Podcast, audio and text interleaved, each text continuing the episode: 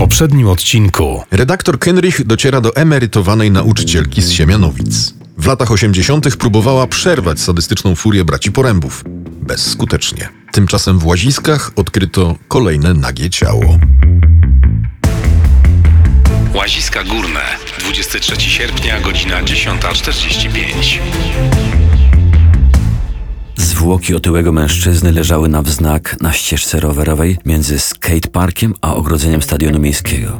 Ledwie zauważalny zielony osad na ustach i napis gańba na klatce piersiowej pozwalały przypuszczać, że przeszłość załomotała trzeci raz w te same drzwi. Zdjęliśmy go z ogrodzenia, no był do niego przytwierdzony na siedząco opaskami zaciskowymi, no waży pewnie za 100 kg. E, Ten, kto to zrobił, musiał być albo bardzo silny, albo miał wspólnika. Poinformował Kenricha aspirant zawalny.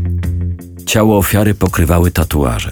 Mordercy zależało na tym, by na ich tle napis był widoczny, dlatego wykonał go czerwonym tuszem. Po dwóch kwadransach redaktor Kenrich wjechał swoim Fiatem na Wiślankę i rozpędził go do 110 km na godzinę.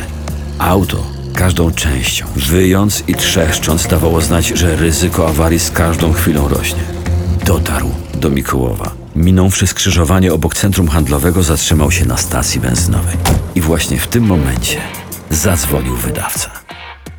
W najbliższym serwisie zaplanowałem twoją relację, więc y, wyślij mi bardzo proszę też jakieś dźwięki, okej? Zamówił kawę i wziął się do pracy.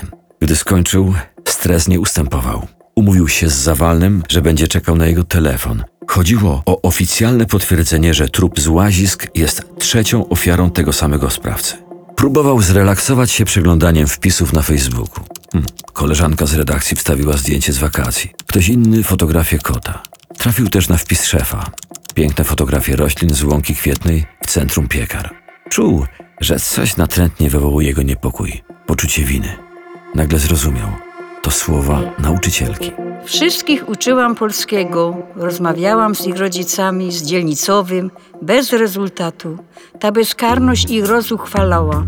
Cholera. Powiedział do siebie Kenrich, gdy skończył odsłuchiwać nagranie. Nie zapytałem jej o nazwiska i czy wie, gdzie ich szukać. Nagły telefon z informacją o trzeciej ofierze zburzył jego plan. Zamiast dopytać nauczycielkę o szczegóły, zakończył rozmowę. Pożegnał się i wyszedł. Nawet nie wziąłem od niej numeru telefonu. Kenrich był wściekły na siebie i postanowił, że jutro ponownie pojedzie do Siemianowic. Czekał na stacji benzynowej blisko dwie godziny, gdy w końcu odezwał się zawalny. Potwierdzam, to trzecia ofiara. Adam Schaufel, urodzony w Siemianowicach, no wyjechał do Niemiec pod koniec lat 80. Od kilku dni mieszkał w hotelu w Łaziskach. No opuścił go wczoraj po południu.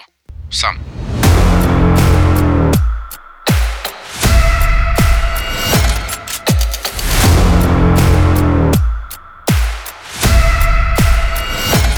hańba.